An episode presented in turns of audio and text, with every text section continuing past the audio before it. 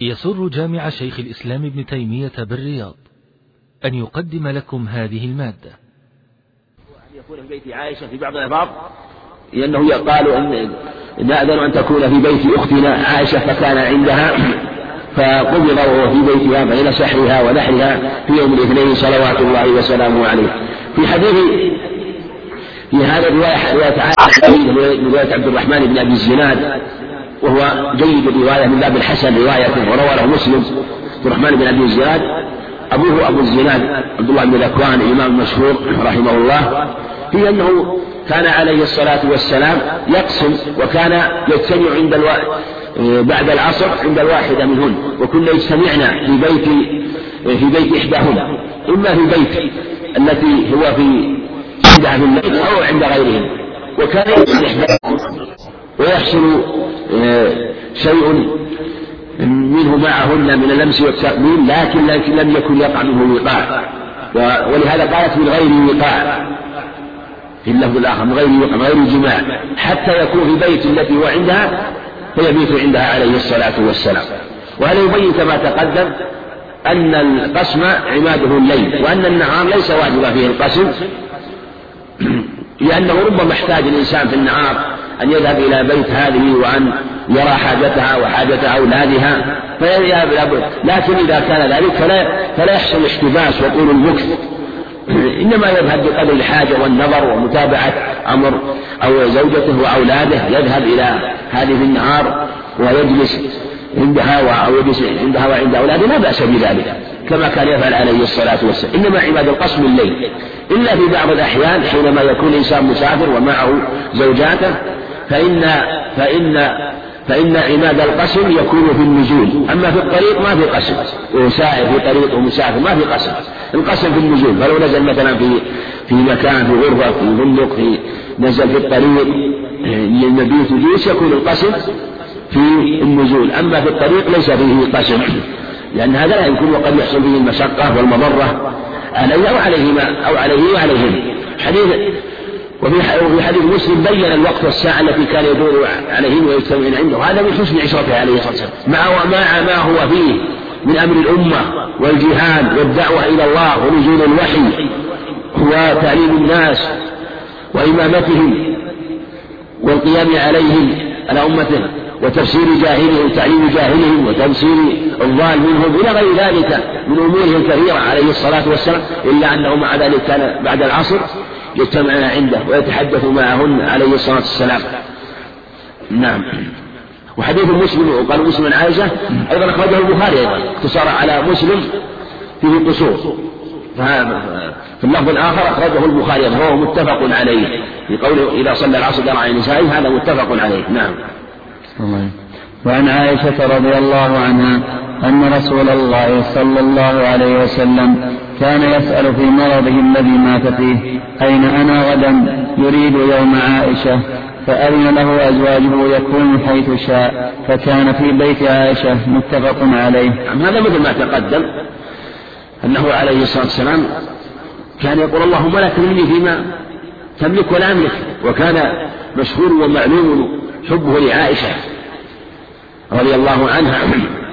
فلهذا كان يحب يومها وكان يقول أين أنا غدا؟ أين أنا غدا؟ يريد يومها رضي الله عنها. فأذن له في ذلك. وهذا كما تقدم محمول على أنه كان ذلك منه من باب الإكرام لهن وإلا فالقصد في اليغن ليس واجبا عليه. نعم.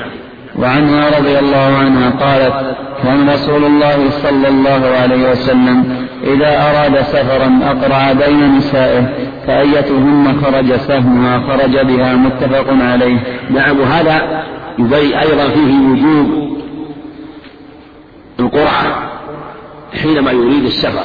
فإذا كان عنده زوجتان فأكثر فأراد السفر فلا يسافر بإحداهن باختياره لأن هذا من الظلم والحي ولأن هذا من الأمر المقدور عليه. ويلام عليه ويذم عليه لو سافر بإحداهن عليه بالطريق الشرعي وهو ما يكون فيه رضا للجميع وقناعة للجميع وهو القرعة فيقرع بينهن. فمن قرعت منهن وخرج سهمها سافر بها سواء التي يحبها أو يميل إليها أو التي لا يميل إليها أو كان حبه لهن جميعا فالمقصود أن أن الحق لمن خرج سهمه هكذا كان يقرأ عليه الصلاة والسلام. ثم إذا كان له وكان عليه الصلاة والسلام ربما خرج لأكثر من واحدة. ولو كان عنده مثلا يعني ثلاث زوجات فاحتاج في خروجه بزوجتين.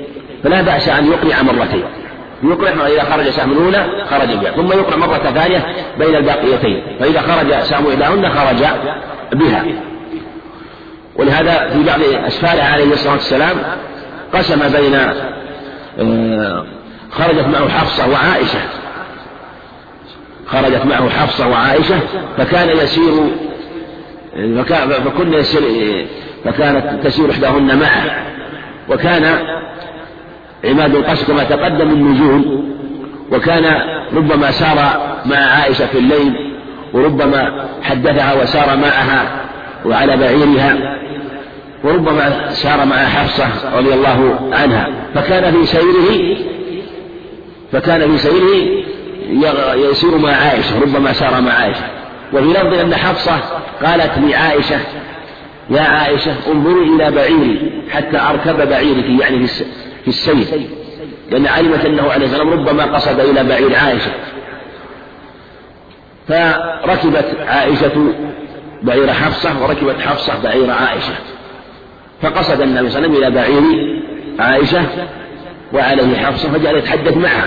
فلما رأت عائشة ذلك أدركتها الغيرة الشديدة رضي الله عنها. فجعلت تدعو على نفسها على نفسها. فقالت قالت اللهم سلط علي حية أو عقربا تدخل رجلها في الغرز وفيه شيء وتقول هو رسولك. ولا أستطيع أن أقول شيئا. معنى أنها هي التي جنت على نفسها والتي فعلت ذلك وهي التي قد آه، جعلتها على بعيرها. ففيه أنه عليه السلام كان في سيره يسير مع كان يدعو الأمر في سعة بخلاف نزوله فكان يقسم كما تقدم أن العمدة في القسم في حال النزول ففي رواية المقصود أن أن هذا فيه في القسم حينما القسم في السفر مع والقرعة قبل ذلك وأن تجب القرعة فمن قرعته خرج سهمها فإنه يخرج بها. قال بعض أهل العلم إنه لا تلزم القرعة لأن الرجل قد يريد إحدى نساءه لكونها أنفع له في سفره دون غيرها لكن الجمهور على وجوب القرعة في ذلك. لكن ولو علم مثلا إلا إذا كان مثلا في موضع مسألة خاصة إذا علم مثلا أن وربما لو خرج بهذه ترتب على ضرر ومشقة لعلمه بذلك وأن يحصل عليه ضرر ومشقة شديدة منها فهذا أمر قد يكون له الرخصة في مثل هذا حينما يترتب هنالك ضرر فالضرر يزال. أما إذا كان مجرد بس أمور أخرى زائدة إما شدة ميل أو مبالغة في الخدمة والإسراع في الخدمة فهذه لا تخول له ذلك. ما دام أنها قائمة بواجبه. فإذا علم أن هذه لا تقوم بواجبها ولا تقوم بما يلزم عليها وأنها تفرط في حقها الواجب عليه بالسفر فهذا فحقه الواجب يجب عليها القيام به. فإذا علم ذلك وأنها لا تقوم به فالذي يظهر أنها ليس لها حق في هذه الحال في حال القرآن. فهذا يعلم من الأدلة الأخرى من آه، وجود الشيء على الشخص فإذا لم يأتي به سقط حقه منه. نعم. وعن عبد الله بن زمعة رضي الله عنه قال قال رسول الله صلى الله عليه وسلم لا يجلد أحدكم امرأته جلد العبد. قال رسول الله صلى الله عليه وسلم نعم. قال رسول الله صلى الله عليه وسلم لا يجلد أحدكم امرأته جلد العبد. رواه البخاري. نعم. في هذا النهي عن المبالغة في الضرب. بعض الناس ربما كان سليطا شديدا فنهى النبي عليه الصلاة عن ذلك وعن المبالغة في الضرب. قال لا يجد أحدكم امرأته جلد العبد. هذا يبين أنه مملوك ربما كان أدبه أشد. في اللفظ الآخر لا يجد أحدكم راجلا ثم يراجعها من آخر النهار أو ثم ثم يراجعها أو يجامعها. يعني هذا ينافي كيف يقع من ذلك ثم في آخر النهار يقع منه ما يقع. هذا لا يمكن. وربما لا تقبله النفوس. يبين أيضا أنه إذا كان احتاج إلى الأدب مع أهله فيكون بشيء يسير ولهذا قال فاضربون ضربا غير مبرح غير شديد. وإن كان للرجل مع زوجته حينما يحصل منها شيء من التفريط في الواجب وأنه آه، لا يأتي ذلك إلا بالأدب جاز له ذلك. لكن الواجب قبل ذلك هو الهجر بالكلام ثم الهجر في المضجع ثم إذا لم يحصل ذلك ولم آه، تؤب إلى ما وجب عليها وترجع. عما هي عليه فلا بأس من الأدب الأدب الخفيف الذي يحصل المقصود ولا يجب شرا ولا فسادا. وقد ورد في عمرو بن الأحوص حديث جابر النهي عن الضرب إلا إلا الضرب غير المبرح أو الضرب غير الشديد الذي يحصل المقصود. وفي حديث ابن أبي ذباب أنه طاف بآل رسول الله صلى الله عليه وسلم أناس كثير يشكين أزواجهن. ثم قال عليه السلام لقد طاف بآل رسول الله صلى الله عليه وسلم سبعون امرأة. كلهن تشكي زوجها أنه يغضبها قال عليه الصلاة والسلام فليس أولئك أولئك بخياركم أنكر عليهم ذلك عليه الصلاة والسلام. نعم. باب الخلع. وعن ابن عباس رضي الله عنهما أن امرأة ثابت بن قيس أتت النبي صلى الله عليه وسلم فقالت يا رسول الله ثابت بن قيس ما أعيب عليه في خلق ولا دين ولكني أكره الكفر في الإسلام فقال رسول الله صلى الله عليه وسلم أتردين عليه حديقته؟ فقالت نعم. فقال رسول الله صلى الله عليه وسلم اقبل الحديقة وطلقها تطليقة رواه البخاري. وفي رواية له وأمره بطلاقها. نعم. نعم. ولأبي داود والترمذي وحسنه. أن امرأة ثابت, ثابت بن قيس اختلعت منه فجعل النبي صلى الله عليه وسلم عدة حيضة.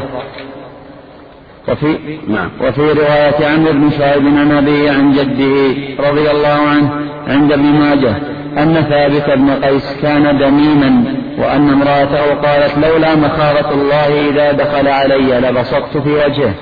ولأحمد من حديث سهل بن أبي حثمة رضي الله عنه وكان ذلك أول خلع في الإسلام. الخلع هو فراق الرجل أهله على مال وعلى عوض تدفعه المرأة لزوجها على أن يفارقها. والخلع مشروع عند وجود الشقاق بين الزوجين. وجاء في حديث ابن عباس رضي الله عنهما في هذه القصة في قصة امرأة ثابت بن قيس بن شماس وأنها قالت يا رسول الله ما عيب على ثابت في خلق ولد ولكني أكره الكفر في الإسلام. فقال عليه السلام أتريد أتردين عليه؟ حقيقة نعم. قال خذ الحديقة وطلقنا تطليقة وفي لفظ ففارقها وقال فارقها أمره بفراقها. وفي لفظ حديث الربيع بن قال وخلي سبيلها. هذا دلالة على مشروعية الخلع عند وجود أسبابه اختلف الخلع العلماء في الخلع. الخلع بالضم يقال في الأمر المعنى وهو خلع الرجل زوجته. والخلع مثل خلع الثياب وهو للأمر الحسي في خلع الثوب. نعم فإذا وجدت أسبابه والأظهر في الأدلة أنه لا يشرع الخلع إلا عند وجود الشقاق. إلا أن يخاف ألا يقيم حدود الله. الطلاق مرتان إمساك بالمعروف أو تسريح بإحسان. وبين أنه لا يشرع إلا عندما تخاف المرأة ألا تقيم حدود الله بمعنى وجود النزاع والخلاف بينهما. ثم هل لا بد من الشقاق بين من الزوج والشقاق من الزوج؟ بمعنى هو يبغضها وهي تبغضه ويكرهه وهي تكرهه ويحصل منه النزاع هي ويحصل النزاع أو يكفي أن يكون الشقاق منها وحدها. الأظهر والله أعلم أنه يكفي بمعنى لو كانت هي تبغضه ولا تحبه فلا بأس أن يخالعها. وقصة ثابت بن قيس شماس الذي يظهر أنها هي التي كانت آه، تكرهه ولا تحبه ولهذا لم يسأل ثابتا عنها وأن قال هل تبغضها هل تكرهها فهذا هو الأظهر وفي قوله أن يخاف لا يقيم حدود الله أخذ بعض العلم منه أنه لا بد أن يكون هذا منهما جميعا وأن يكون واقعا منهما الخوف وجود الشقاق منهما جميعا. فلو وجد من أحدهما فلا يشرع الخلع. وأنه يمكن يفارقها بالطلاق والأظهر والله أعلم أنه يكفي إذا كان من أحدهما. وقوله إلا أن يخاف في الغالب أنه إذا حصل شقاق ونزاع من المرأة فإن الشقاق يحصل من الزوج والنزاع يحصل من الزوج. هذا واقع بل يقع كثيرا ويدل عليه قصة ثابت بن قيس بن شماس مع زوجته جميلة بنت عبد الله بن أبي. ولهذا قال أمر عليه السلام بذلك. والأظهر أيضا أن الخلع لا يشرع إلا عند وجود الشقاق. كما هو ظاهر القرآن وكما هو ظاهر السنة. أما لو كانت الأمر الحال مستوية وليس بينه وبين زوجته شقاق ولا نزاع وقالت لزوجها اخلعني. اخلعني بألف ريال اخلعني بعشرة آلاف ريال. هل يصح الخلع مع عدم الشقاق؟ ذهب أكثر علماء لا بأس من الخلع ولو كانت الحال مستوية. وقال وهو قول الجمهور وقيل إنه لا يجوز الخلع إلا مع الشقاق. واختاره ابن المنذر وجماعة من أهل العلم وهذا هو الصواب وأنه لا يصح الخلع. ولو خالعها وقالت له اخلعني فقال قد خلعتك والحال بينهما مستقيمة فإن الخلع باطل. ثم ينظر إن كان نوى به الطلاق فهذا يكون طلاقا. رجعيا ويبطل العوض ويعود إليها. وإن لم ينو به الطلاق فهو كلام باطل لا قيمة له والعوض راجع إليه والحال كما كانت ولم يكن بينهما شيء وكأنه لم يكن بينهما شيء. وخلع محرم أيضا نوع ذلك يعني وهو ما إذا ضارها وضايقها حتى تخلع نفسها منه. نقول في هذه لا بأس من الخلع لو أن امرأة ضارها زوجها وضايقها بلا سبب إنما يريد حتى تخلع نفسه لأجل أن يأخذ منها المال. ما يريد أن يطلقها لا يريد أن يخالعها حتى يأخذ منها. فجعل يضارها ويضايقها. فلها ذلك لكن حرام عليه أخذ المال. ولا يجوز له ذلك. وهي في حقها ماضي لأنها تريد أن تسلم منه وأن تخلع نفسها منه فلا بأس. فعلى هذا هي يكون الخلع الجائز هو الخلع مع وجود الشقاق سواء كان الشقاق منها أو منهما جميعا كما تقدم. أما عند وجود أما عند وجود آه، عندما يكون الأمر مستقيما ولا نزاع ولا شقاق بينهما فالصحيح أنه لا يصح الخلع كما تقدم. ثم أيضا ثم مسألة أخرى. إذا حصل بينه وبينها الشقاق بين و أو هو لا يعني صارت تبغضه ولا تريده ولا تحبه. وطلبت أن يخلعها فأبى. هل يجب عليه الخلع؟ الجمهور يقول لا يجب لا لا يجب, لا يجب الخلع. وذهب جمع من علماء الشام من أهل المقدس إلى أنه يجب أن يجيبها إلى ذلك. وهذا هو الصواب. وأنه يقضي عليه الحاكم بذلك ويقضي عليه القاضي بذلك ويلزمه المخالعة وأن يخلعها.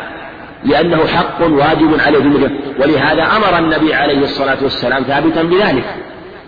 قال اقبل الحديقة وطلقها تطليقة. لفظ خلي سبيلها أمره بذلك. وقلنا إلا أن يخاف أن لا يقيم حدود الله يدل على ذلك. لأنه في الأصل منهي عنه. أو محرم. بغير سبب. ولأنه أيما امرأة سأل زوجها الطلاق غير بغير ما بأس حرام عليه رائحة الجنة. وهو نوع من مفارقة الزوج يشبه الطلاق فكان محرما عند عدم وجود سببه وإذا وجد سببه وصار من المرأة عدم الميل وعلى المحبة وتكره البقاء معه وتخشى أن لا تقيم حدود الله هذا يجب يلزمه أن يجيب فلا بأس أن يجيبها إلى ذلك وأن يأخذ المال الذي أعطاها إياه. في حديث رواية رواية الثانية عند أبي داود والترمذي أنه عليه السلام أمرها أن تعتد بحيضة وجاء له شاهد آخر حديث الربيع متعود أنه أمر أن تعتد بحيضة وبهذا دلالة أيضا على أن الخلع ليس بطلاق. واختلف العلماء في هذا اختلاف كثير والمسألة من المسائل الطويلة في هذا الباب وهو مسألة الخلع هل هو طلاق أو ليس بطلاق. المذهب يقول هو طلاق إذا كان بلفظ الخلع ونيته إذا نوى به الطلاق فهو طلاق. وإن تجرد عن النية ولفظ الطلاق فليس بطلاق. وذهب آخر إلى أنه طلاق مطلق. وقيل إنه ليس بطلاق.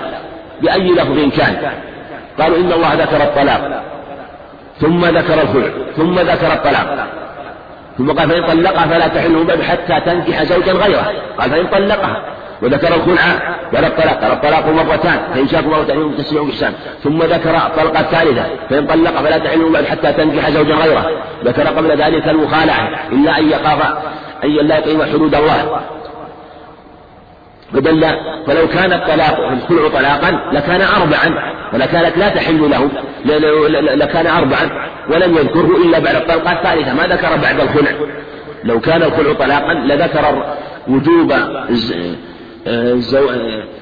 حل وجوب حلها له أو شرط حلها له أن تكون بعد الخلع لأنه طلقة ثالثة ولهذا قال ابن عباس إنه ذكر ذكر الله الطلاق مرتين ثم ذكر الخلع ثم ذكر الطلاق. فلو كان الخلع طلاقا لكان أربع أربع تطليقات ولم يذكر الله إلا ثلاثا. وأنها تحل له بعد الزوج حينما بعد الطلقة الثالثة التي ذكر الله عز وجل فإن طلقها فلا تحل حتى تنكح زوجا غيره. وهذا هو الصواب في هذه المسألة ويدل له أنه عليه والسلام أمر أن تحيض حيضة لكن أشكل على هذا القول أنه عليه والسلام قال طلقها تطليقا. قال القول طلقها يدل على أنه طلاق. وعن هذا جوابان أول أن يقال إنه الأمر بالطلاق هنا هو طلاق مع عوض لأنه أمر أن يأخذ العوض مع الطلاق. وإذا دخل العوض فإنه يكون خلعا وكل ما أجازه المال فليس بطلاق كما قال ابن عباس. وإن أمر بالطلاق فهو طلاق بعوض مشروط فلا يكون آه، فلا يكون إلا خلعا. وجواب آخر أن هذه الرواية مفسرة بالرواية الأخرى كما عند البخاري وغيره. ففارقها. وعلى هذا إما أن يكون روي بالمعنى وهي قصة واحدة. وإما يدل على أنه روي بالمعنى أنه أنه جاء في الرواية الثانية وقال فارقها. في اللفظ الآخر خلي سبيلها. ثم هي صاحبة القصة حكت ذلك. وأن الرسول عليه قال قال قال له فخلي سبيلها. وابن عباس قال وطلقها. وصاحبة القصة أعلم بقصتها وأعلم بأمرها حينما قال وخلي سبيلها. ويدل له أيضا أنه عليه الصلاة والسلام أمر أن تحيض حيضة.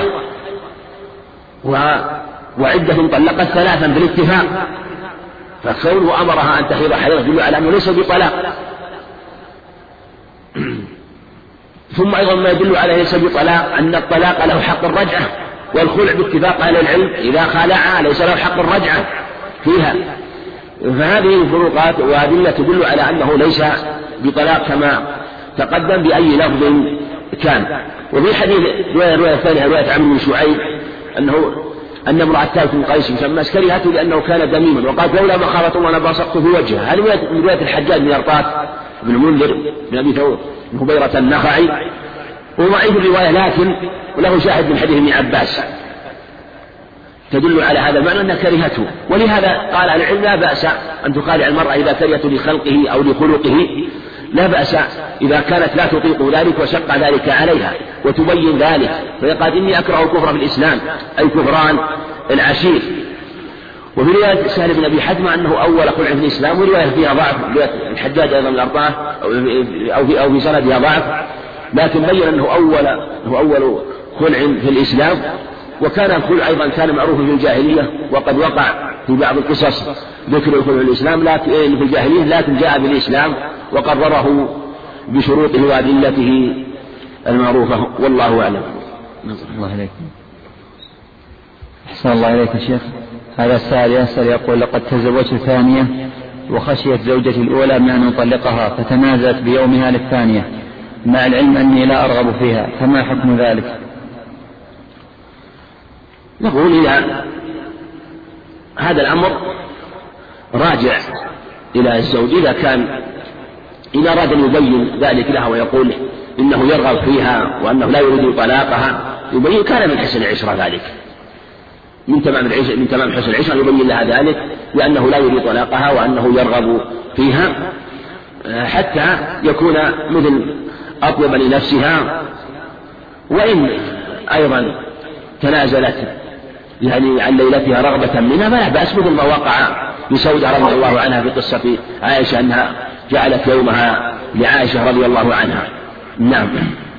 أحسن الله إليكم. هذا يقول اغتسلت ونسيت أن أتوضأ ثم ذهبت إلى المسجد وصليت الفجر. ولم ولم أتذكر أني لم أتوضأ إلا بعد أن انتهيت من الصلاة فماذا علي؟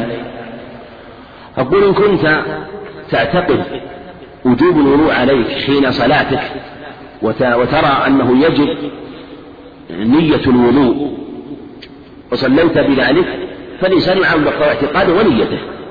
مقتضى اعتقاده ونيته فلا تصح الصلاة في هذه الحال. وإن كان لا يقول أنا لا أدري عن حكم إنما توضأت واغتسلت بنية الغسل ولا أدري هل يلزمني الوضوء. نقول وضوءك صحيح ولا شيء عليك لأن الوضوء الكامل في الصحيح أنه يجزئ ولو لم ينوي. وإذا نوى لأنه له ثلاثة أحوال. إما أن يغتسل ويتوضأ وهذا هو الأكمل وهو السنة والذي ثبت في الصحيحين من حديث عائشة في الصحيحين من حديث ميمونة. أنه توضأ أنه اغتسل أنه توضأ عليه الصلاة والسلام ثم اغتسل. لكن أخر غسل رجليه آه، بعد وضوئه كما في حديث ميمونة. في بعض روايات عائشة عند مسلم أنه أخر غسل رجليه. الحال الثاني أن يغتسل وينوي الوضوء. هذا جائز عند جماهير أهل العلم الأئمة أربعة أيضا. الحالة الثالثة أن يغتسل بغير نية الوضوء. وهذا أيضا يجزي على الصحيح والذي رجحه جمع العلم من العلامة القيم رحمه الله وغيره وقد يجزئ الغسل ولو لم ينوي الوضوء لأن العضو لأن الجسد مثابة العضو الواحد. فإذا كان يسأل ويقول ما حكم غسلي في هذه الحال وأنا ما توضأت؟ ونقول وضوء صحيح. وإن كان لا حال صلاته يعتقد أنه لم يتوضأ فالإنسان يعامل اعتقاده فيما مضى. لكن في المستقبل إذا قال ماذا يعمل نقول لو لو اغتسل فوضوءه صحيح غسله صحيح ولا يلزمه الوضوء. وإن والوضوء هو أكمل. وإن جمع بينهما فهو أتم وهو الثابت في فعله عليه الصلاة والسلام كما تقدم. نعم. أحسن الله عليكم هذا يقول هل يجب على الزوج العدل بين زوجاته في الهبة والعطية كما يسوي ب... كما يسوي بين الأولاد؟ هذا هو الأقرب. هذا هو الأقرب أنه يلزمه التسوية بين زوجاته. إلا لأمر يقتضي ذلك لأمر خاص أو شيء عرض لسبب لكن أصل هو وجوب العدل. لأنه عليه الصلاة اللهم هذا قسم وفي حديث عائشة كان يقسم فيعدل وهذا عام في جميع القسم. سبق أن القسمة بين الزوجات ربما كانت أبلغ وأتم وأشد من جهة حساسية الزوجات آه، فيما يقع بينهن أشد مما يقع بين الأولاد. نعم. وهذا يقول أحسن الله من هم الأربعة. الأربعة. الأربعة هم سنة أبو داود والترمذي والنسائي وابن ماجه. والخمسة مع أحمد والسبعة مع البخاري ومسلم والستة إلا أحمد والثلاثة أهل السنن إلا ابن ماجه اصطلاح ومتفق عليه البخاري ومسلم إلا صاحب المنتقى فالمتفق عليه البخاري ومسلم وأحمد. نعم. أحسن الله إليكم. هذا يقول كيف يصلي الرجل صلاة صلاته عند الزواج؟ صلاة الفرد في البيت أم صلاة الجماعة في المسجد في سبعة الأيام الأولى أو عند ثلاثة الأيام الأولى؟ لا يصلي مع الجماعة هذا هو الصواب.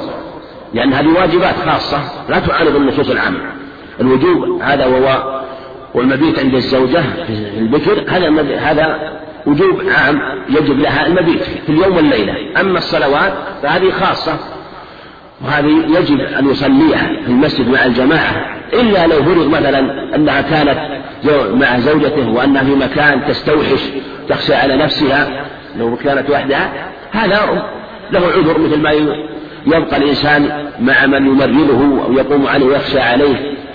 ذهب ذكر من دقيق عيد وجمع من العلم أنه يعذر في ترك صلاة الجماعة لكن هذا لا يصح. ورد على العلم وقال إن هذا في مسألة المبيت لأنه ذكره مقابل آه، حق الزوجات الأخرى. فهذا في مسألة المبيت أما وجوب الصلاة جماعة فهذا معلوم الأدلة الأخرى فهو خاص لا يعارض العموم الأدلة الأخرى. أحسن الله إليكم. هذا يقول هل للجماع قسم؟ لا ليس فيه قسم إلا إذا كان إلا إذا كان يستدعيه بشدة عند واحدة ويمنع نفسه عند الأخرى مع أنه يمكن ذلك. فهذا فيه نزاع بين العلم. فلو كان نفسه تقبل على عليها لكن لا يريد أن يقع منه ذلك ويجعله لغيرها. هذا بعض العلم أكثر العلم يقول لا بأس بذلك وقيل إنه يلزمه ذلك وهو ظاهر وهو ظاهر الحديث حينما قال اللهم هذا قسمي فيما أملك فلا تملك فيما تملك ولا أملك إذا كانت نفسه مثلا تقبل ذلك ويستدعي ذلك من نفسه لكن هو ربما منع ذلك في هذه الحالة ما كان داخلا القاعدة ما كان تحت الإرادة والقدرة فإنه يلزمه ذلك كما تقدم. أحسن الله إليكم وهذا يقول هل يجوز له الكذب عليهن في أنها أفضل أفضلهن أو أحبهن إليه؟ ما في معنى إذا كان قصد الإصلاح إذا قصد بذلك الإصلاح مثل يخشى منها النشوز أو يريد منها شيئا وهي لا تستجيب مما يجب عليها لأنها تظن أنه لا يحبها فأراد فلا بأس مثل ما جاء في الحديث عنه عليه مثل ما جاء حديث أم كلثوم حديث أبي هريرة في الكذب وأنه جائز كذب الرجل على الزوجة وكذب الزوجة على زوجها هذا من حكمة الشرع. جاء بجواز الكذب في مثل هذه الأشياء كذب الرجل على زوجته والزوجة على زوجها لأن العشرة بين الزوجين عشرة طويلة وربما حصل بعض الأمور. فلو سد باب الباب تماما واحتاج مثلا إلى التورية وربما شق عليه ذلك وربما أنه لم يحصل ما يقصد له. فجاز الكذب في مثل هذا لأجل المصلحة وهذا ما يدل على دوام هذه الأمور لأنها وإن كان في مفسد الكذب لكن مفسدة منغمرة في ضمن المصالح العظيمة التي تحصل بين الزوجين. أحسن الله إليكم. هذا يقول في قصة سودة مع عائشة رضي الله عنهم أمر يشكل كثيرا حيث أن النبي صلى الله عليه وسلم طلقها لما كبرت في السن. فهل يعني أن المرأة لا لا تمسك إلا إذا كانت شابة؟ فإذا كبرت في سنها طلقها زوجها؟ لا ليس الرسول عليه السلام تزوج أول ما تزوج خديجة وهي أكبر منه. تزوج خديجة ولها أربعون سنة ولو خمس وعشرون سنة عليه الصلاة والسلام. كانت أكبر منه بخمسة عشر عاما. فليس لكن لكنها عليه الصلاة والسلام كان يتزوج من عرب كما هو معلوم وربما يعني لمصالح وأمور عظيمة هذا أمر معلوم. لكن جاء في بعض الأخبار ما يدل على هذا المعنى والمعروف في خبر سودة أنها هي التي فرقت ذلك وهي التي خافت ذلك. وهو عليه الصلاة والسلام إن قد يكون ذلك يعني كما أنها كبرت في سنها وضعفت عن الخدمة والإنسان قد يحتاج مثلا خاصة هو عليه الصلاة والسلام في القيام عليه وفي خدمته وفي قلة شؤونه فتكون هذه أنفع له ومع ذلك هو عليه الصلاة والسلام قبل منها ولم آه، يبتدئ بذلك. أما ما جاء في أنه طلقها فهي مرسلة لا تثبت إنما الثابت في الرواية أنها هي التي وهبت يومها وهي التي أعطته لعائشة حينما خشيت ذلك وخشية أن يفارقها عليه الصلاة والسلام.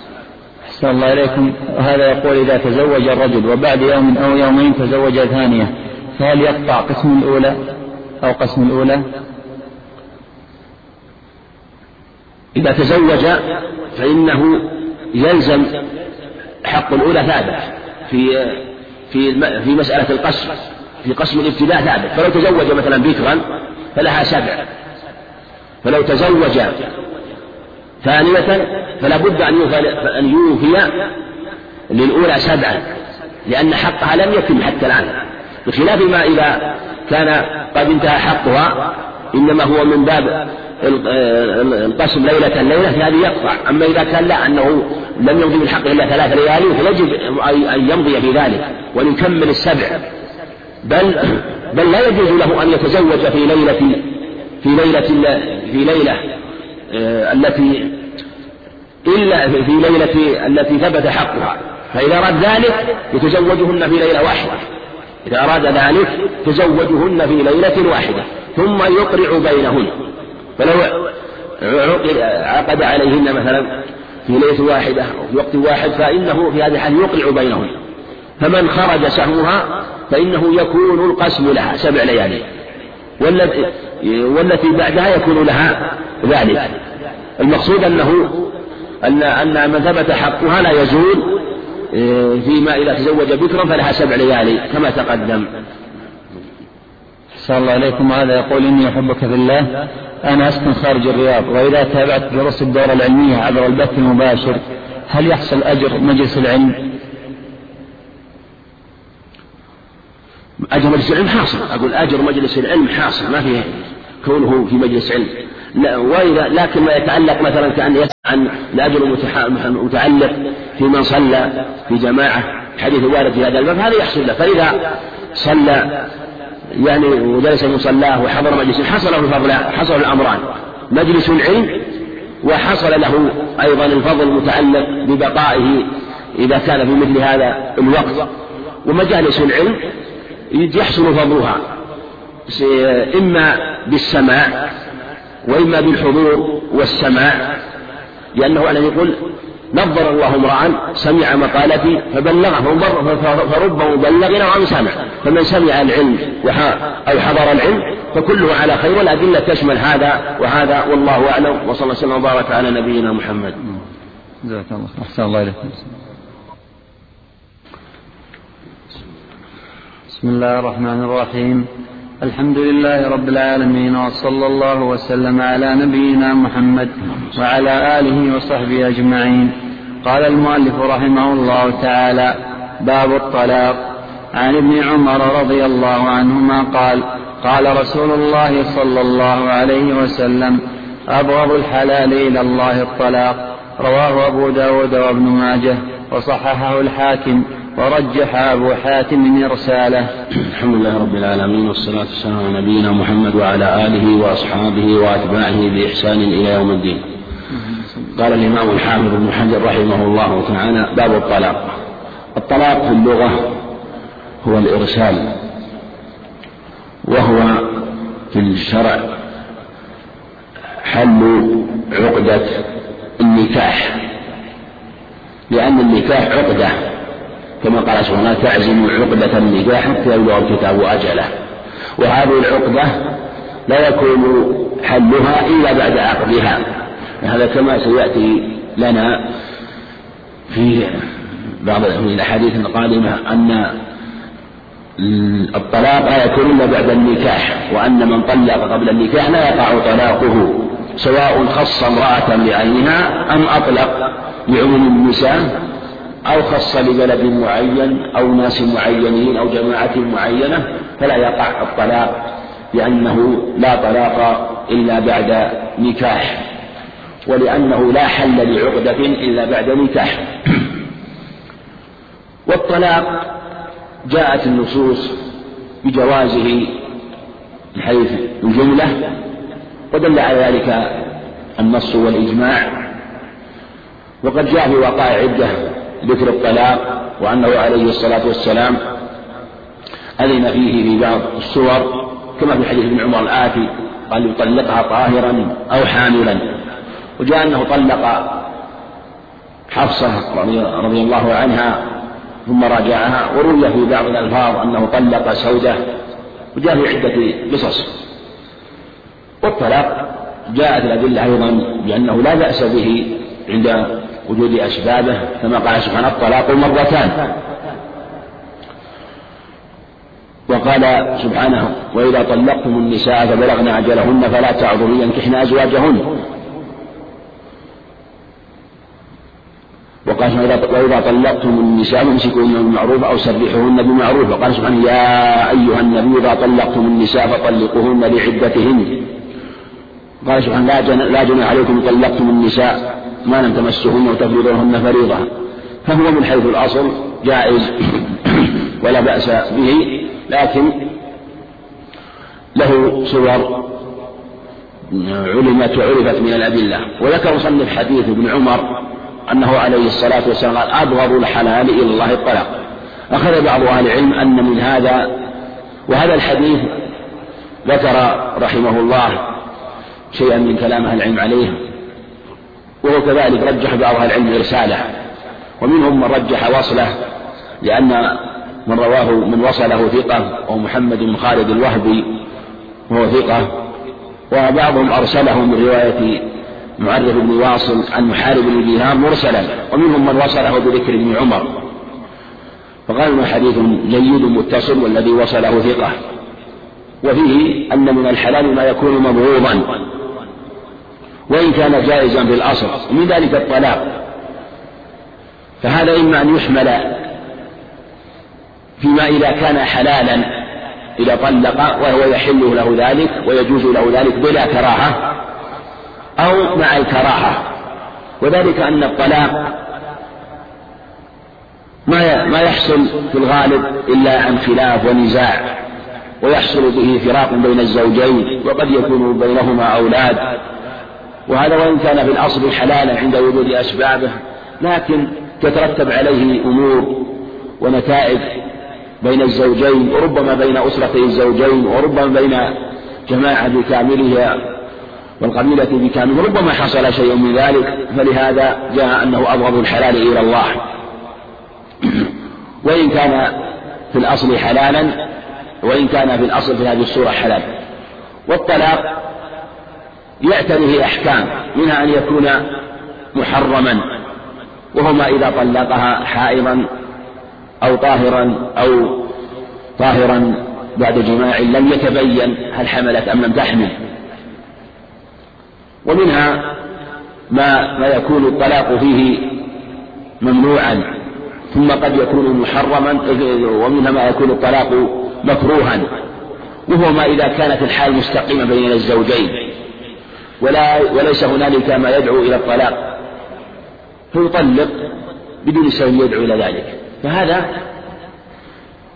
أقل أحوال الكراهة من جهة أنه إذا كانت الحال مستقيمة فالمشروع عدم الطلاق والبقاء.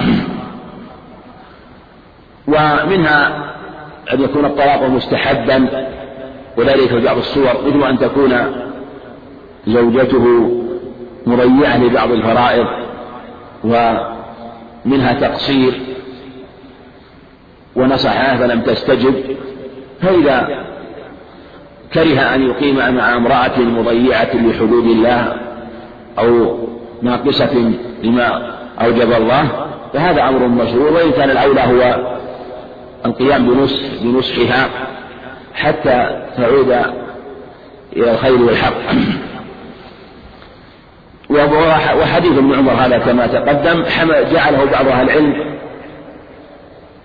أو قسم الطلاق فيه أو ذكروا في سورة الطلاق وأنه يمكن أن ينقسم إلى الأحكام الخمسة ما يكون الطلاق فيه واجبا ويكون الطلاق مستحبا وما يكون الطلاق فيه مكروها وما يكون آه، وما يكون الطلاق فيه واجبا. وهو إذا ما إذا رأى منها الفاحشة عيانا ومنهم من فصل وذكر أيضا سورة ما إذا كان طلاق حلالا.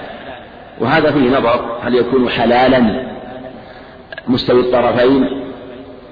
حلالا مستوي الطرفين؟ يعني هذا أيضا موضوع نظر. الأصل أنه إذا كان لا إذا كانت الأمور مستقيمة فإنه يكره يكره ولا يكون حلالا. وإن كانت الأمور غير مستقيمة بين الزوجين فهذا ربما كان واجب وربما كان مستحبا. وقد يكون الحلال يمكن يصور حلال مثل إذا كانت عندها سوء معاملة. يمكن أن يصبر ويتحمل يعني ولم يشتد سوء الخلق منها إليه فهو لكن ليس فيما يتعلق بشيء من تضييع الفرائض يعني شدة في التعامل. على وجه لا يصل إلى أمر ترك فريضة. ربما قيل إن هذا في الأصل حلال. وقد يقال إنه ليس فيه حلال لأنه جعله مبغوضا. إليه سبحانه وتعالى كما في حديث ابن عمر هذا. نعم. وعن ابن عمر رضي الله عنهما أنه طلق امرأته وهي حائض في عهد رسول الله صلى الله عليه وسلم. فسأل عمر رسول الله صلى الله عليه وسلم عن ذلك فقال مره فليراجعها ثم ليمسكها حتى تطهر ثم تحيض ثم تطهر ثم إن شاء أمسك بعد وإن شاء طلق قبل أن يمس. فتلك العدة التي أمر الله أن تطلق لها النساء متفق عليه. وفي رواية لمسلم مروا فليراجعها ثم ليطلقها طاهرا أو حاملا. وفي أخرى للبخاري وحسبت تطليقه وفي رواية لمسلم قال ابن عمر رضي الله عنهما أما أن تطلقتها واحدة أو اثنتين فإن رسول الله صلى الله فإن رسول الله صلى الله عليه وسلم أمرني أن أراجعها ثم أمهلها حتى تحيض حيضة أخرى. وأما أن تطلقتها ثلاثا فقد عصيت ربك فيما أمرك به من طلاق امرأتك. وفي رواية أخرى قال عبد الله بن عمر رضي الله عنهما فردها علي ولم يرها شيئا وقال إذا طهرت فليطلق أو ليمسك. نعم حديث ابن عمر. هذا في الصحيحين وذكر مصنف بعضا من رواياته وفيه أنه طلق امرأته وهي حائض.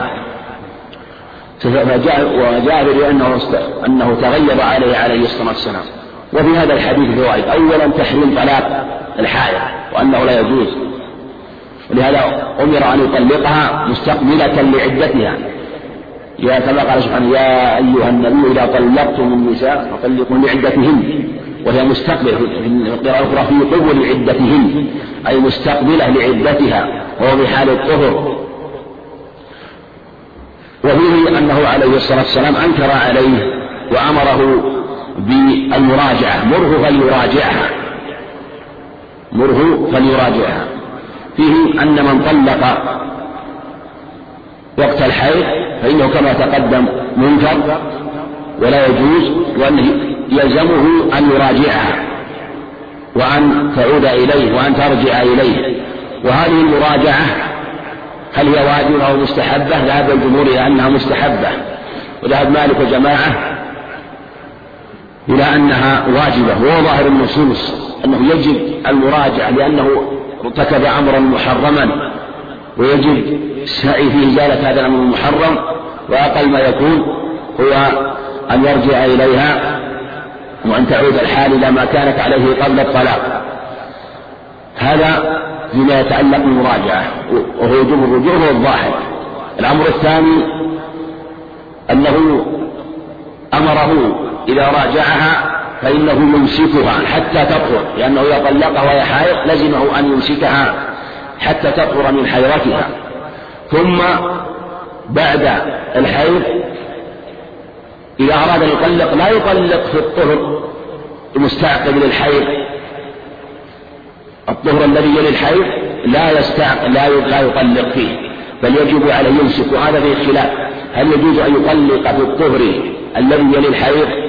أم يجب عليه أن يمسكها حتى تطهر ثم تحيض حيضة أخرى ثم في طهرها الثاني الذي يلي الحيضة التي لم يطلقها فيه فإن له أن يطلق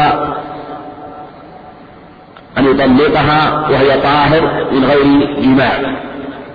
والجمهور يقولون إنه إنه لا يجب الانتظار إلى الطهر الثاني والصواب أنه يجب الانتظار إلى الطهر الثاني حتى لا يكون رجوعه أو إرجاعها إليه لأجل الطلاق ويكون إمساكها لأجل الطلاق. وهذا لا يجوز لأن الشارع أراد أن يزيل الخلاف أراد أن يزيل أثر هذا الطلاق بأن يمسكها.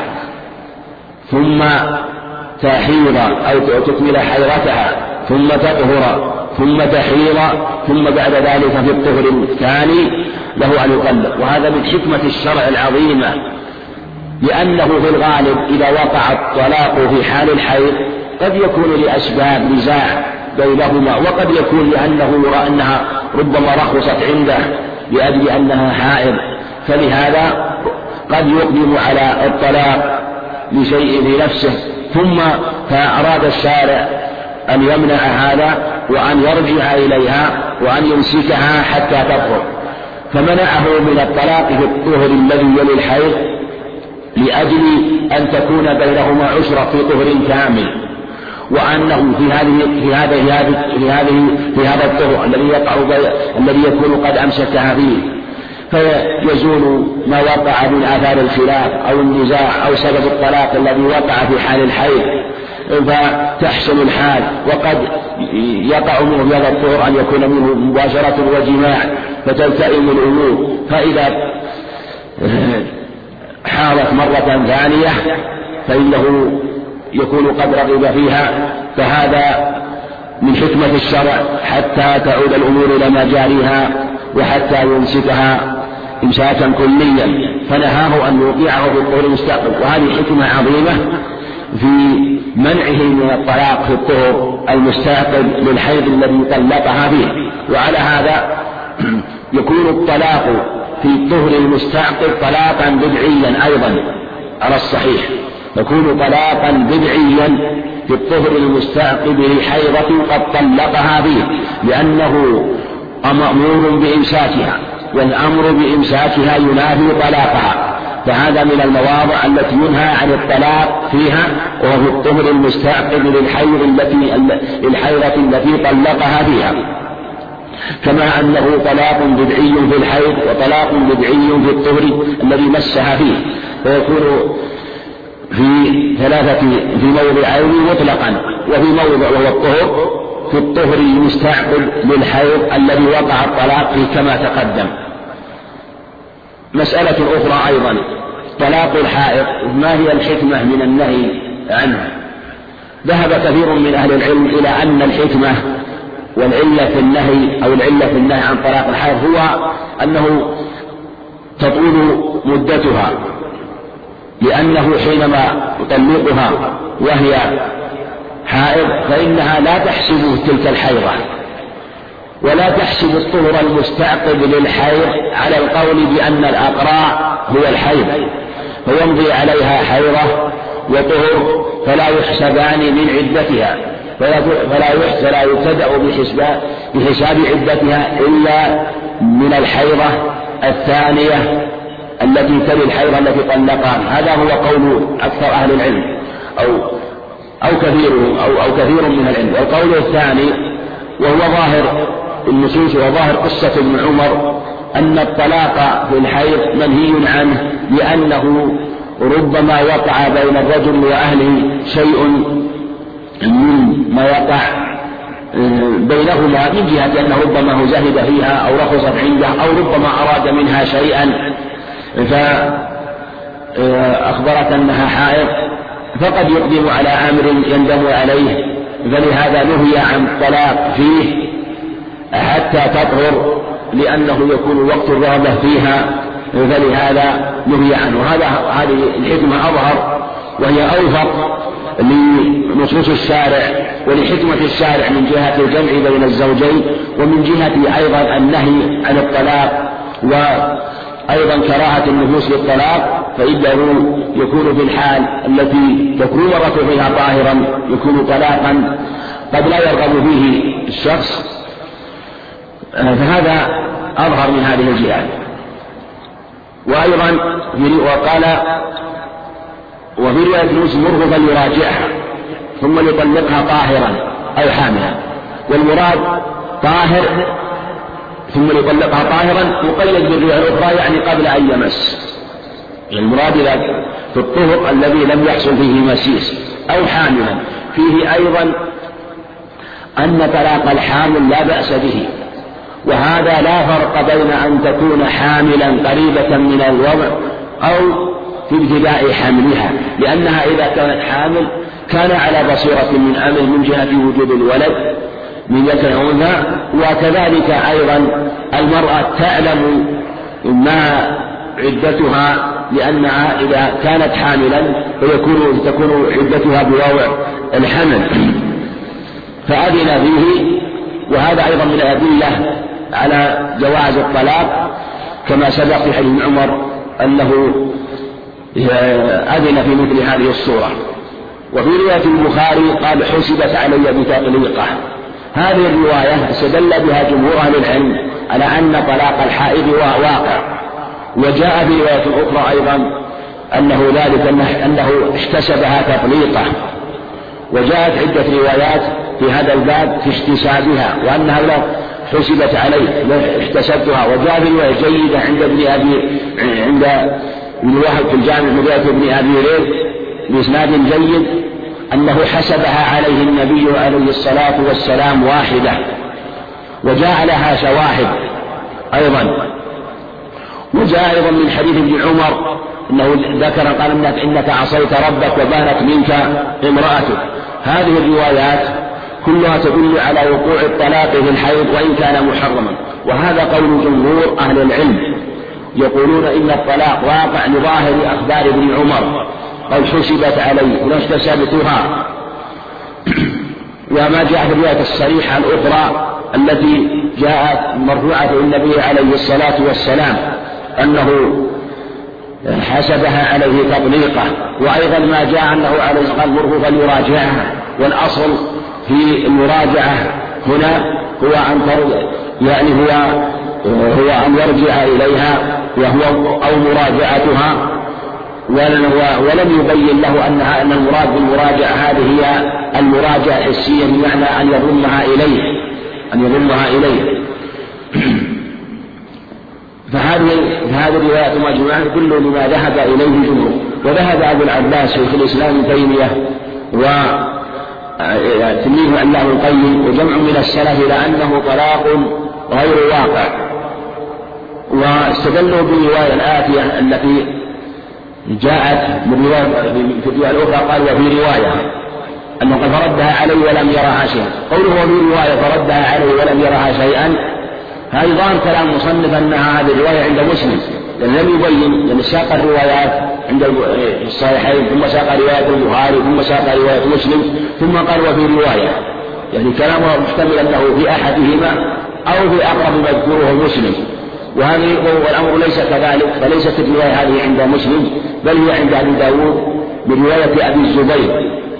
محمد بن مسلم تدرس أبو الزبير الأسدي المكي ولا بأس به ثقة من رجال مسلم إذا صرح بالتأليف وهو كذلك. استدل بهذه فلم يرها شيئا معنى أنه لم جعل هذه معنى أنه لم يرها طلاقا. والجمهور يقولون يجيبون عن هذه الرواية بجواب الأول أنها رواية مخالفة للروايات الصحيحة الثابتة في الصحيحين من عدة طرق عن ابن عمر أنه حسبت علي بتطبيق واحتسبتها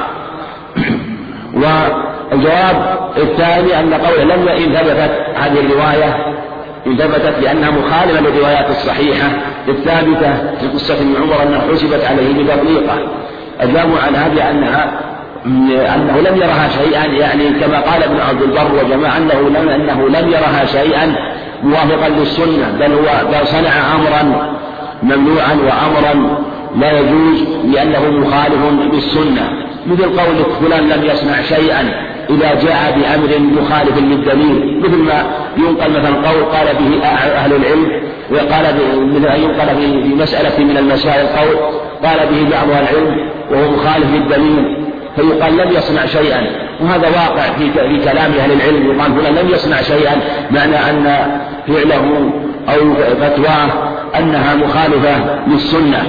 هذا على فرض ثبوتها لأنها مخالفة للروايات الثابتة عن ابن عمر عن الطرق خلافا لما قال ابن القيم أن قول حسبت عليه بتطليقة أنها لم تأتي إلا برواية برواية أن لم يتابع الراوي عن ابن عمر بل الصواب أنه قد توبع وتابع يونس بن زبير عند عند مسلم وذكر أنها حسبت عليه بتطليقه ثم جاءت روايات أخرى فتأولها رحمه الله على تأويلات فيها نوع من الاستكراه وفيها نوع من المبالغة في الرد وفي نصرة هذا القول.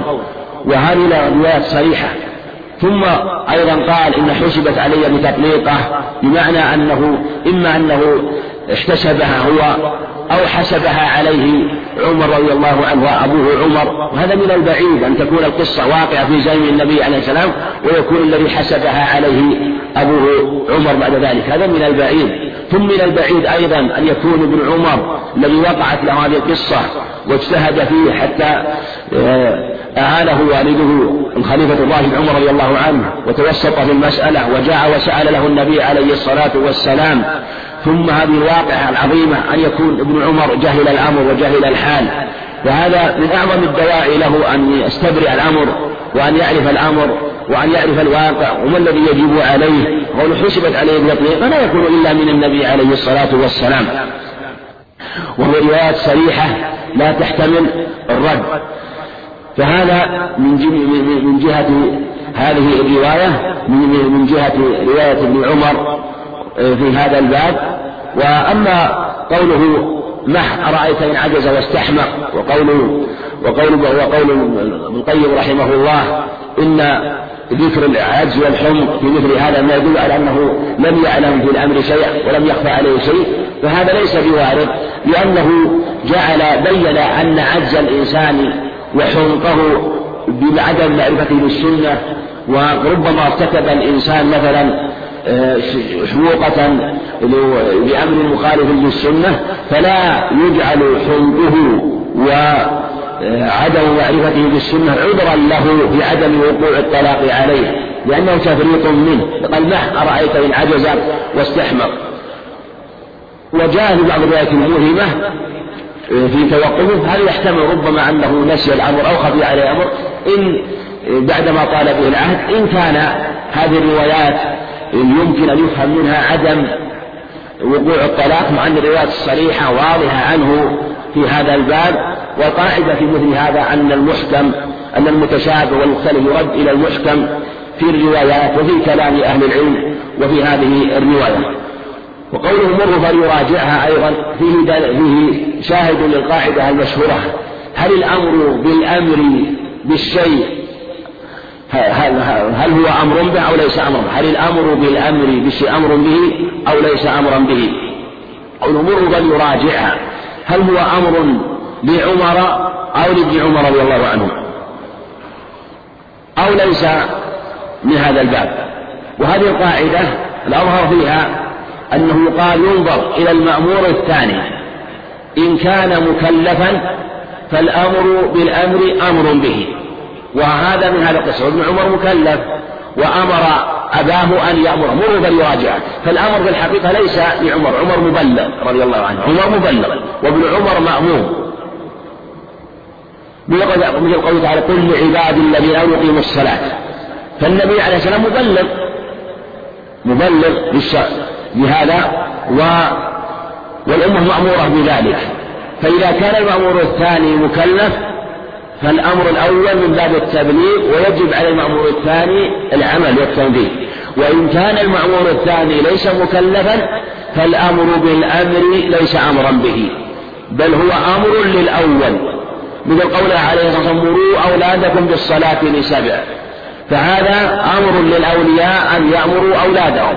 والأولاد في مثل هذا السن غير مكلفين فهو في الحقيقة واجب على الأولياء. ويجب ويجب على آبائهم وأمهاتهم أن يأمروهم بذلك وأن يحثوهم عليه. وفي الرواية الأخرى قال فرد ثم قال وقال إذا طهرت فليطلق أو يمسك مثل ما تقدم أنه لا يكون الطلاق إلا في حال الطهر أو يمسك خيره. لكن هذا أيضا مقيد بالرواية الثانية التي فيها قبل أن يمس. نعم. وعن ابن عباس رضي الله عنهما قال كان الطلاق على عهد رسول الله صلى الله عليه وسلم وأبي بكر وسنتين من خلافة عمر طلاق الثلاث واحدة. فقال عمر إن الناس قد استعجلوا في أمر كانت لهم فيه أناه فلو أمضيناه عليهم فأمضاه عليهم رواه مسلم. نعم حديث ابن عباس عبد الله بن عباس رضي الله عنهما حديث في طلاق. الثلاث قال كان طلاق الثلاث في عهد النبي عليه الصلاة والسلام وفي عهد أبي بكر وصدرا من خلافه عمر طلاق الثلاث واحدة. فلما كان في عهد عمر قال إن الناس قد استعجلوا في أمر كانت لهم في أمان فلو أمضيناه عليهم فأمضاه رضي الله عنه. هذا الحديث أخذ به جمع من أهل العلم أن طلاق الثلاث واحدة. وقالوا إنه إذا طلقها ثلاثا والمراد بفم واحد كما في إحدى الروايات عن ابن عباس. إذا قال أنت طالق ثلاثا أو مطلق ثلاثا أو قد طلقتك ثلاثا أو ما أشبه ذلك. يعني جمع الطلقات الثلاث بفم واحد. فهذا يكون طلقة واحدة. وقالوا إن هذا محل إجماع. قديم في عهد الصحابة بعد وفاة النبي عليه الصلاة والسلام لأنه لا إجماع إلا بعد وفاته عليه الصلاة والسلام. أما في حياته فالأمر إليه. فلا إجماع. فالأمر يعود وهو إليه عليه الصلاة والسلام. فالإجماع منعقد في عهد أبي بكر وعهد عمر. وهذا جمع عظيم من الصحابة. كلهم أجمع على ذلك. إما مقر لذلك أو متكلم به أو ساكت إما أنه متكلم به يقول به أو ساكت مقر لهذا القول. وصدرا من خلافة عمر رضي الله عنه. قالوا إنه حديث النص في هذا الباب. وذهب جمهور المتأخرين من الفقهاء إلى أن طلاق الثلاث يكون ثلاثا. وقالوا وأجابوا عن هذا الحديث بأجوبة. كثيرة ذكر الشارح رحمه الله عدة أوجه منها وطرقا منها. وكل ما ذكروه موضع نظر والحديث واضح وصريح. لكن جمهور السلف أجابوا عن هذا بشيء من إما أنه منسوخ أو مضطرب أو أنه المراد بطلاق الثلاث. يعني معنى أن الناس لم يكونوا يطلقون في عهد النبي عليه السلام مثل طلق في عهد أبي بكر وفي عهد أبي بكر صدرا من خلاف عمر كالطلاق بعد ذلك. بل كان بل كان الطلاق الواقع من الناس بعد ذلك. كان وهو الثلاث كان الناس يطلقون طلاقا واحدا. ما كانوا يطلقون. يعني كانوا في في آخر خلافة عمر أو أو بعد مضي صدر خلافة عمر كانوا يطلقون ثلاثا. وكان في عهد قبل ذلك لم يكن على هذا بل كان بل كان يطلقون الطلاق على السنة بمعنى أنه يطلقها وهي طاهر طلقة واحدة ثم ينتظر حتى تخرج من عدتها إن لم يرد الرجوع إليها. وقيل غير ذلك. واستدلوا أيضا بأدلة منها أنه في قصة عويل العدلاني لما لاعن قال اشهدكم أني قد طلقتها ثلاثا؟ قالوا والنبي عليه السلام يسمع فسكت وأقر. وكذلك في قصة المرأة التي طلقها في قصة بنت قيس طلقها ثلاثا أن زوجها طلقها ثلاثا. كذلك في حديث عائشة وهذا في الصحيحين. كذلك في حديث عائشة في قصة عبد امرأة رفاعة بن رافع مع عبد الرحمن بن وكذلك زوجها الثاني عبد الرحمن بن الزبير لما أن زوجها طلقها ثلاثا.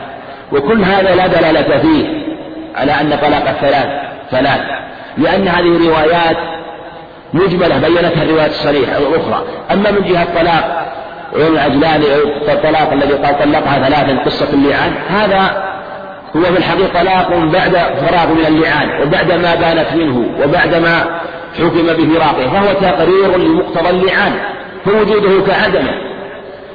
أما ثم لم ينقل صفة هذا الطلاق هل هو مثلا بفم واحد أو بكلمات متتابعة. أما حديث آه، فاطمة بن قيس فجاءت الرواية الأخرى أنه أرسل لها آخر تطليقة فالمراد أنه طلقها ثلاثا معنى أنه بمعنى أنه طلقها ثم راجعها ثم طلقها ثم وقع الطلاق الثالث. لا أن المراد أنه جمع الطلاق. ثم قال سبحت ثلاث مرات وهللت ثلاثا ثم قال ليس ليس معنى أنك قلت سبحان الله ثلاثا المعنى قلت سبحان الله سبحان الله سبحان الله هذا المراد. وكذلك حديث قصة عائشة حديث عائشة في قصة امرأة عبد الرحمن بن الزبير. لما أرادت فراقه هي من هذا الباب. فالمقصود فالمقصود أن أن حديث ابن عباس صريح في أن طلاق الثلاث واحدة. ولهذا حكوا الاتفاق عليه في عهد الصحابة رضي الله عنهم وفي عهد عمر وأنه طلق الثلاث طلاق واحدة كما تقدم. وهذا المراد به هو حينما يطلقها آه، بفم واحد بخلاف ما إذا طلقها طلقات متفرقة. وذهب أبو العباس شيخ الإسلام رحمه الله إلى أنه ليس هنالك ثلاث طلقات مطلقا ما عنده ثلاث طلقات أبدا ولا يمكن أن تطلق المرأة ثلاثا. في مجلس أو في مجالس أو في بفم واحد. ما ليس عنده طلاق إلا بعد نكاح أو رجعة. فلو طلق إنسان امرأته مئة طلقة أو طلقها اليوم ثم طلقها غدا قبل أن يراجعها ثم طلقها بعد غد أو طلقها في طهر ثم بعد في الطهر الثاني طلقها طلقة قبل الرجعة ثم طلقها في الطلق في طلقة فعنده كل فعنده كله طلاق بدعي هذا. كله طلاق بدعي ولا يقع هذا الطلاق. لأن الطلاق لأنه ليس هنالك طلاق إلا الطلاق المشروع وهو الطلاق. طلقة واحدة في طهر لم يمسها فيه ثم يتركها حتى آه، تخرج من عدتها. فتبين منه. وعلى هذا تكون المطلقات عنده ثلاثة أنواع. طلقة مطلقة رجعية وما إذا طلق في طهر ما إذا طلق في طهر إذا طلقها وهي طاهر في طهر لم يمسها فيه. ثم راجعها قبل أن تخرج من عدتها. وهذا هو الطلاق المشروع عند وجود أسبابه إذا طلق ثم راجع وهي, وهي مطلقة رجعية. المطلقة الثانية مطلقة بائن وهي ما وهو ما إذا طلقها في طهرها ثم تركها حتى تحيض وتخرج من عدتها حتى تحيض ثلاثا على القول بأن العدة أن الأقراء هي الحيض كما هو الأظهر ثم تبين طلقة بائن المطلقة الثالثة الطلاق المحرم لها الطلاق المحرم لها وهو ما إذا طلقها ثم راجعها ثم يعني ثم راجعها لإرادة ضمها إليه. لا إرادة أن يراجعها. فلو أراد أن يراجعها فهذا منهي عنه لأنه لم يرد الإحسان ولم يرد حسن العشرة ثم طلقها الثانية ثم راجعها. ثم طلقها الثالثة ثم ثم طلقها الثالثة. ثم طلقها الثالثة. فهذه الطلقة الثالثة تبينها وتحرمها ولا تحل له؟ من بعد حتى تنكح زوجا غيره. هذا هو الطلاق عنده ولا يقع ولا يقع غير ذلك. وكم وحكى هذا المذهب عن كل من قال إن طلاق الثلاث طلاق طلاق الثلاث طلاق واحدة أنه يكون طلقة واحدة. كل من نقل عنه طلاق الثلاث طلقة واحدة. هذا هو رأي رحمه الله. لكن من ومنهم من توسط وجعل طلاق الثلاث طلاق واحدة وهو ما إذا طلقها بفم واحد بخلاف ما إذا قال أنت طالق أنت طالق ثم طالق ثم طالق أو قال طالق وطالق وطالق أو قال طالق أنت طالق أنت طالق أنت طالق أو أنت مطلقة أنت مطلقة أنت مطلقة أو أنت مطلقة ثم أنت مطلقة ثم أنت مطلقة. فإذا كرر الطلقات سواء بثم أو بالواو أو فصل بالضمير بضمير الخطاب كله كله هذا يكون ثلاثة وهذا القول عليه العلامة الجليل رحمة الله عليه الشيخ عبد العزيز بن باز رحمه الله ويفتي بهذا القول ويرى أن هذا الطلاق يكون ثلاثا بخلاف الطلاق بثمن واحد فإنه يكون طلقة واحدة. ويقول ما معناه رحمه الله إنه لا يعلم آه، متابعا أو أنه لا يعلم موافقا لشيخ الإسلام فيما ذهب إليه. مع أن بعض أهل العلم في زماننا وافق شيخ الإسلام في ذلك وقالوا إنها إنما أفتى به ومقتضى النصوص وهو مقتضى الأدلة ولا فرق بين أن يطلقها طلقة واحدة ثلاث طلقات بفم واحد أو ثلاث طلقات متفرقات في في مجلس في مجلس أو مجالس مع أنه في بعض الروايات في حديث ابن عباس وهي مؤيدة لما سبق وترد وهي مؤيدة لما سبق في حديث في حديث قصة أبو ركانة حينما طلق امرأته ثلاثا قال عليه الصلاة والسلام هي واحدة هي واحدة وهذا شاهد لما تقدم وأن طلق الثلاث طلاق واحدة أنه يكون طلقة واحدة ويكون مؤيدا للقول الثاني المخالف للجمهور الذين يقولون إن طلاق الثلاث يكون ثلاثا وفيه أنه عليه السلام في قال له طلقتها ثلاثا في مجلس واحد قال نعم قال هي واحدة في مجلس واحد.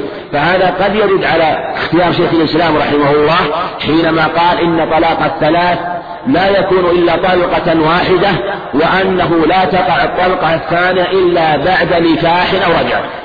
بمعنى أنه أن يطلقها ثم يتركها حتى تخرج من عدتها ثم ثم يتزوجها بعد ذلك. ويطلق الثاني وهكذا. أو بعد رجعة مثل ما تقدم يطلق ثم يراجع لقصد المراجعة لا لقصد الطلاق. فإذا طلق ثاني بعد الرجعة وقع الطلاق. لكن حديث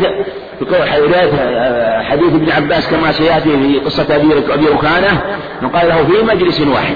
فيفهم منه أن طلاق الثلاث واقع إذا كان طلاقا متفرقا. وقد يقال إن من أخذ بظاهر الرواية أن طلاق الثلاث لا يقع في المجلس الواحد وإن فرق. وشيخ الإسلام رحمه الله يرد ويجيب عن هذه الرواية يقول إن قوله عليه الصلاة والسلام في مجلس واحد يريد أنه أطلقتها في مجلس أم في مجلسين؟ فإن كان في مجلس فإنه لا يقع إلا طلقة واحدة وهذا على الأصل الذي اختار واضح على ما اختاره.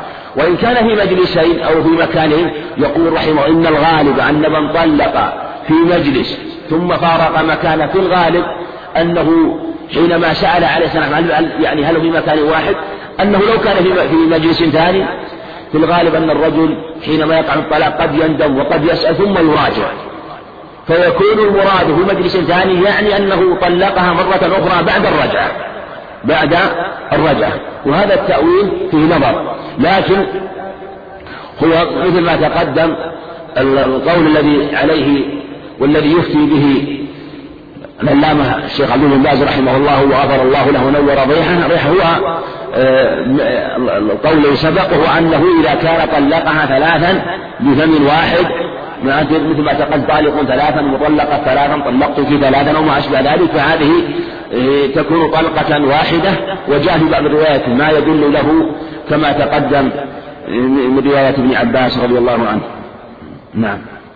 وعن محمود بن لبيد رضي الله عنه قال أخبر رسول الله صلى الله عليه وسلم عن رجل طلق امرأته ثلاث تطليقات جميعا فقام غضبان ثم قال أيلعب بكتاب الله وأنا بين أظهركم؟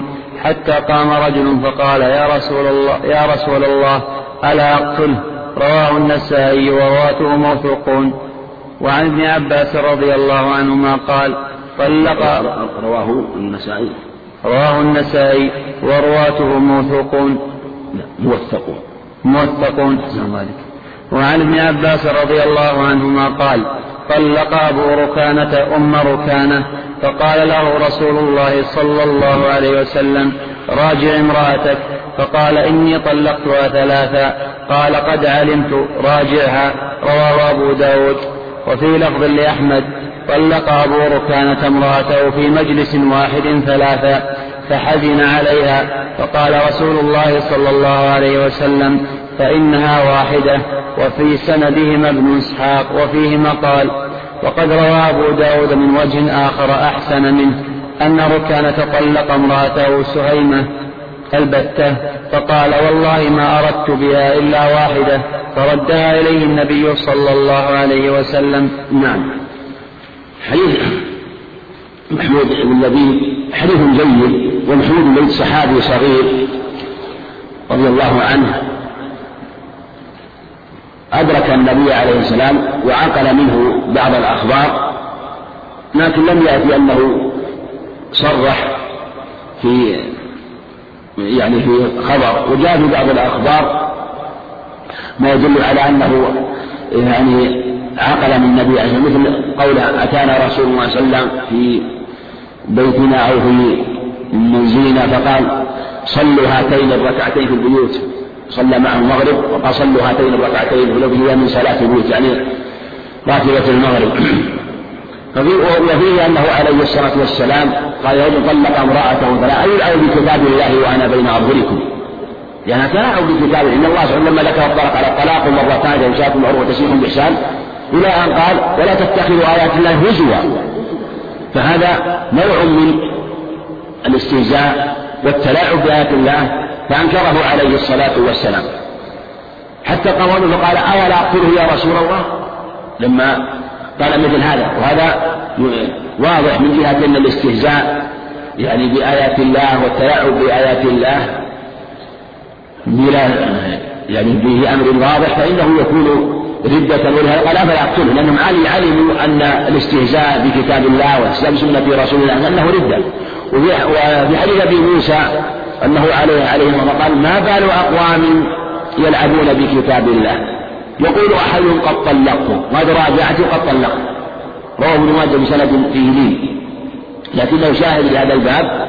وأيضا يبين مثل ما تقدم أن الطلاق عند عدم الحاجة يكون ممنوعا وهذا خاصة إذا كان الطلاق ثلاث تطليقات ثلاث تطليقات جميعا فأنكر عليه عليه الصلاة والسلام وهذا يبين أنه محرم وأن هذا هو الصواب أنه محرم وأن وأنه لا يجوز ثلاث تطليقات جميعا طلقها جميعا. يعني بفم واحد هذا الظاهر يعني أنه قال هي طالق ثلاثا أو مطلقة ثلاثا فأنكر عليه عليه السلام. حديث ابن عباس هو أمس بحديث ابن عباس فالمصنف رحمه الله ربما فرق بين الأخبار كما تقدم وإلا رواية ابن عباس هذه تابعة للرواية السابقة عند مسلم كان الطلاق على عهد رسول الله صلى الله عليه وسلم صلى الله عليه وسلم الطلاق ثلاث واحدة. فكان آه، أمس به ولو أنه ذكره عقب الرواية الأخرى لكان أولى وجعل حديث يمين بعد ذلك لأن الرواية هذا من تمام الرواية السابقة. وفيه أنه وهذا مثل ما تقدم أنه عليه الصلاة والسلام لما قال له لما طلق ذهبا قال راجعها.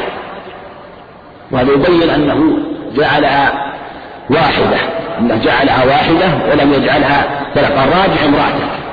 اللون الثاني أنه قال قد علمت قال هي واحدة لما طلقها ثلاثة في الرواية الثانية.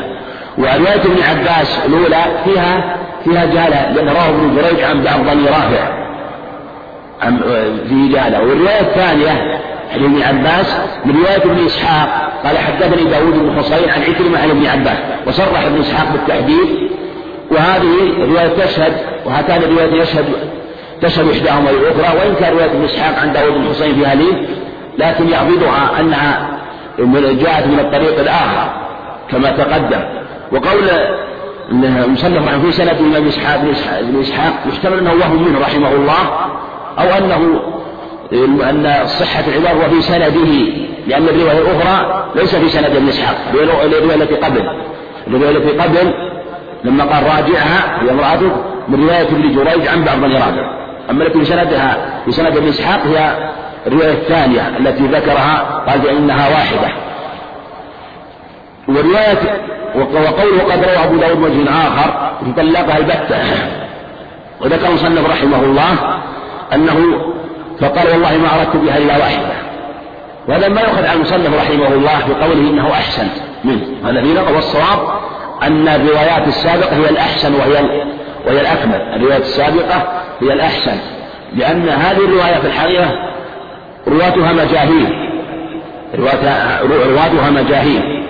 والرواية الثانية أثبت ولها شاهد لكنه كأنه قلد أبا داود رحمه الله ثم هذه الرواية أيضا ربما شهدت في قول الجمهور من جهة أنه قالوا أنه قال هي واحدة وأنه قال إن ما المعنى طلقتها ثلاثا أنه حينما قال طلقتها ثلاثا أن المراد أن الصواب أنها طلقها البتة وأنه عليه الصلاة والسلام لم يجعل طلاق الثلاث واحدة. لم يجعل طلاق الثلاث واحدة. إنما صوابه عند الجمهور طلقها البتة وقال هي واحدة. وهذا شاهد لمن قال إن البتة طلقة واحدة وأنها من جنايات الطلاق حينما وفيها خلاف كثير لكن الصواب في الرواية كما تقدم أنه طلقها ثلاث مع أن هذه الرواية لا تصح. نعم.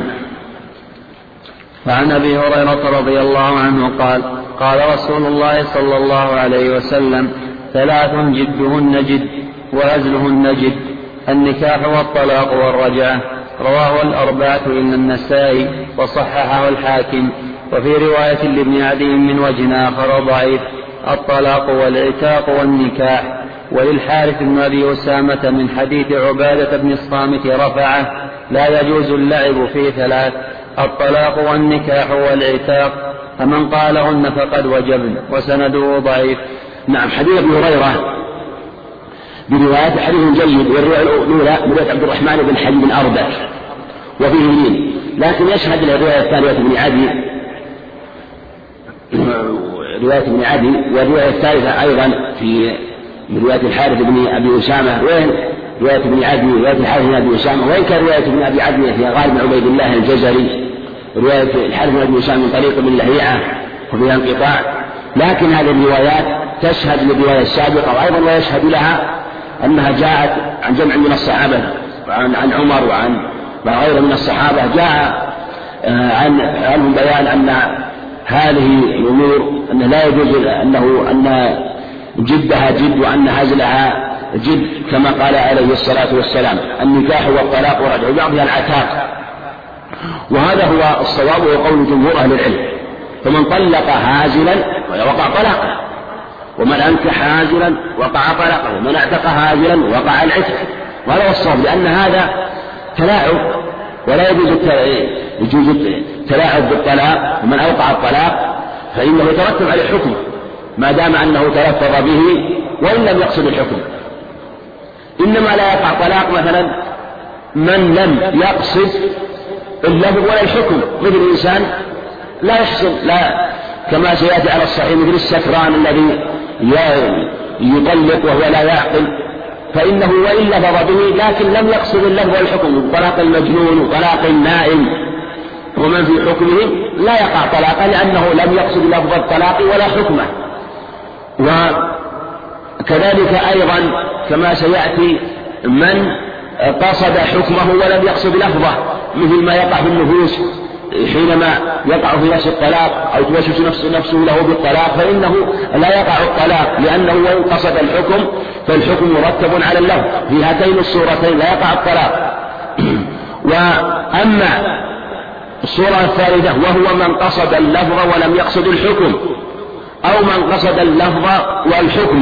في الصورة الثالثة يقع الطلاق عند جماهير العلم وهما إذا طلق هازلا. فإنه يقع الطلاق لأنه ليس إليه ولأن الشارع رتب الحكم على هذا السبب وهو طلاقه.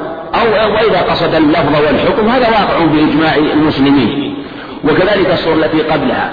ثم الطلاق هو بالحقيقة فيه شبه من باب العبادة. ولا يجوز العبد يتلاعب بمثل هذا.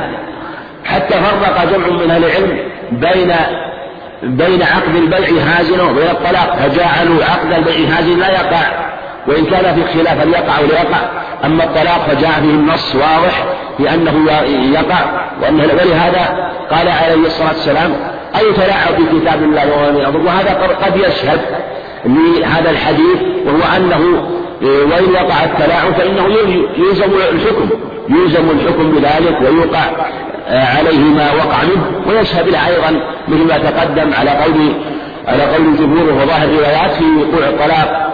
الحائض لأن هذا آه، حينما طلقها يكون نوعا من المخالفة لكتاب هو أشد من التلاعب بالطلاق فأمضي عليه الطلاق كما في هذه السورة نعم. وعن أبي هريرة رضي الله عنه عن النبي صلى الله عليه وسلم قال إن الله تجاوز عن أمتي ما حدثت به أنفسها ما لم تعمل أو تكلم. متفق عليه. وعن ابن عباس رضي الله عنهما عن النبي صلى الله عليه وسلم قال إن الله تعالى وضع عن أمة الخطأ والنسيان وما استكره عليه. رواه ابن ماجه والحاكم وقال أبو حاتم لا يثبت. مع حديث أبي هريرة إن الله تجاوز عن أمتي ما حدثت به أنفسها. وقال أنفسها وأنفسها. ما حدثت به أنفسها ما لم تعمل أو تكلم. وهذا علم الصحيحين وهو دليل لأهل العلم ومنهم حتى الاتفاق عليه ويلقى في الخلاف الشاذ أن الطلاق لا يقع في حديث النفس. ولهذا إن الله تجاوز عن أمتي ما حدثت به أنفسها ما لم تعمل أم تكلم. فلا يقع آه، منه ذلك. وذهب وروي عن بعض السلف أنه يقع ذلك وقال إن هذا ما وقع في النفس مثل ما يحا مثل ما يؤاخذ بالكفر ومثل ما يؤاخذ بالكبر ومثل ما يؤاخذ بالأمور المتعلقة بأعمال القلب من الإيمان وما أشبه ذلك والصواب ما دل عليه هذا الخبر لأنها تلك الأعمال أعمال قلبية من الإيمان ما يقع من الإيمان وال والبغض والحب والعجب والكبر وما أشبه. هذه من أعمال القلوب التي يؤاخذ عليها العبد. ثم أيضا في الحقيقة هذه الأعمال هي لم تقتصر على مجرد النفوس بل هو دعت إليه ربما عمل بها. ولهذا إذا هم العبد بالمعصية فلم يعملها لم تكتب عليه. وإذا ترك كتبت حسنة. فهذا هو الصواب. كما تقدم. وشاهد أيضا وحديث ابن عباس إن الله تعالى وضع في الخطأ والنسيان وما استكروا عليه. وهذا الخبر حسنه النووي رحمه الله في الأربعين وله شواهد من حديث ابن عند ابن ماجه وله شاهد عند الطبراني من حديث ثوبان وهو حديث من القلق حديث جيد وإن الله تعالى وضع بلفظ إن الله تجاوز الأمة الخطأ والنسيان وما استكره عليه. وهذا أيضا دليل لجماهير أهل العلم أنه من طلق ناسيا أو من طلق مخطئا. أو سبق الطلاق على لسانه فإنه لا يقع له. أو مكرها واستكره عليه. لو أكره على الطلاق فإنه لا يقع طلاقه كما هو قول الجمهور. وهو ظاهر الكتاب. ربنا لا تؤاخذنا إن نسينا وأخطأنا. قال الله قد فعلت. في حديث عباس. وفي اللفظ الآخر قال قال نعم. في حديث ابن عباس وحديث ابن أبي هريرة عند مسلم. قد يبين أن هذا لا يقع وهو ظاهر هذه ظاهر هذه الروايات. نعم.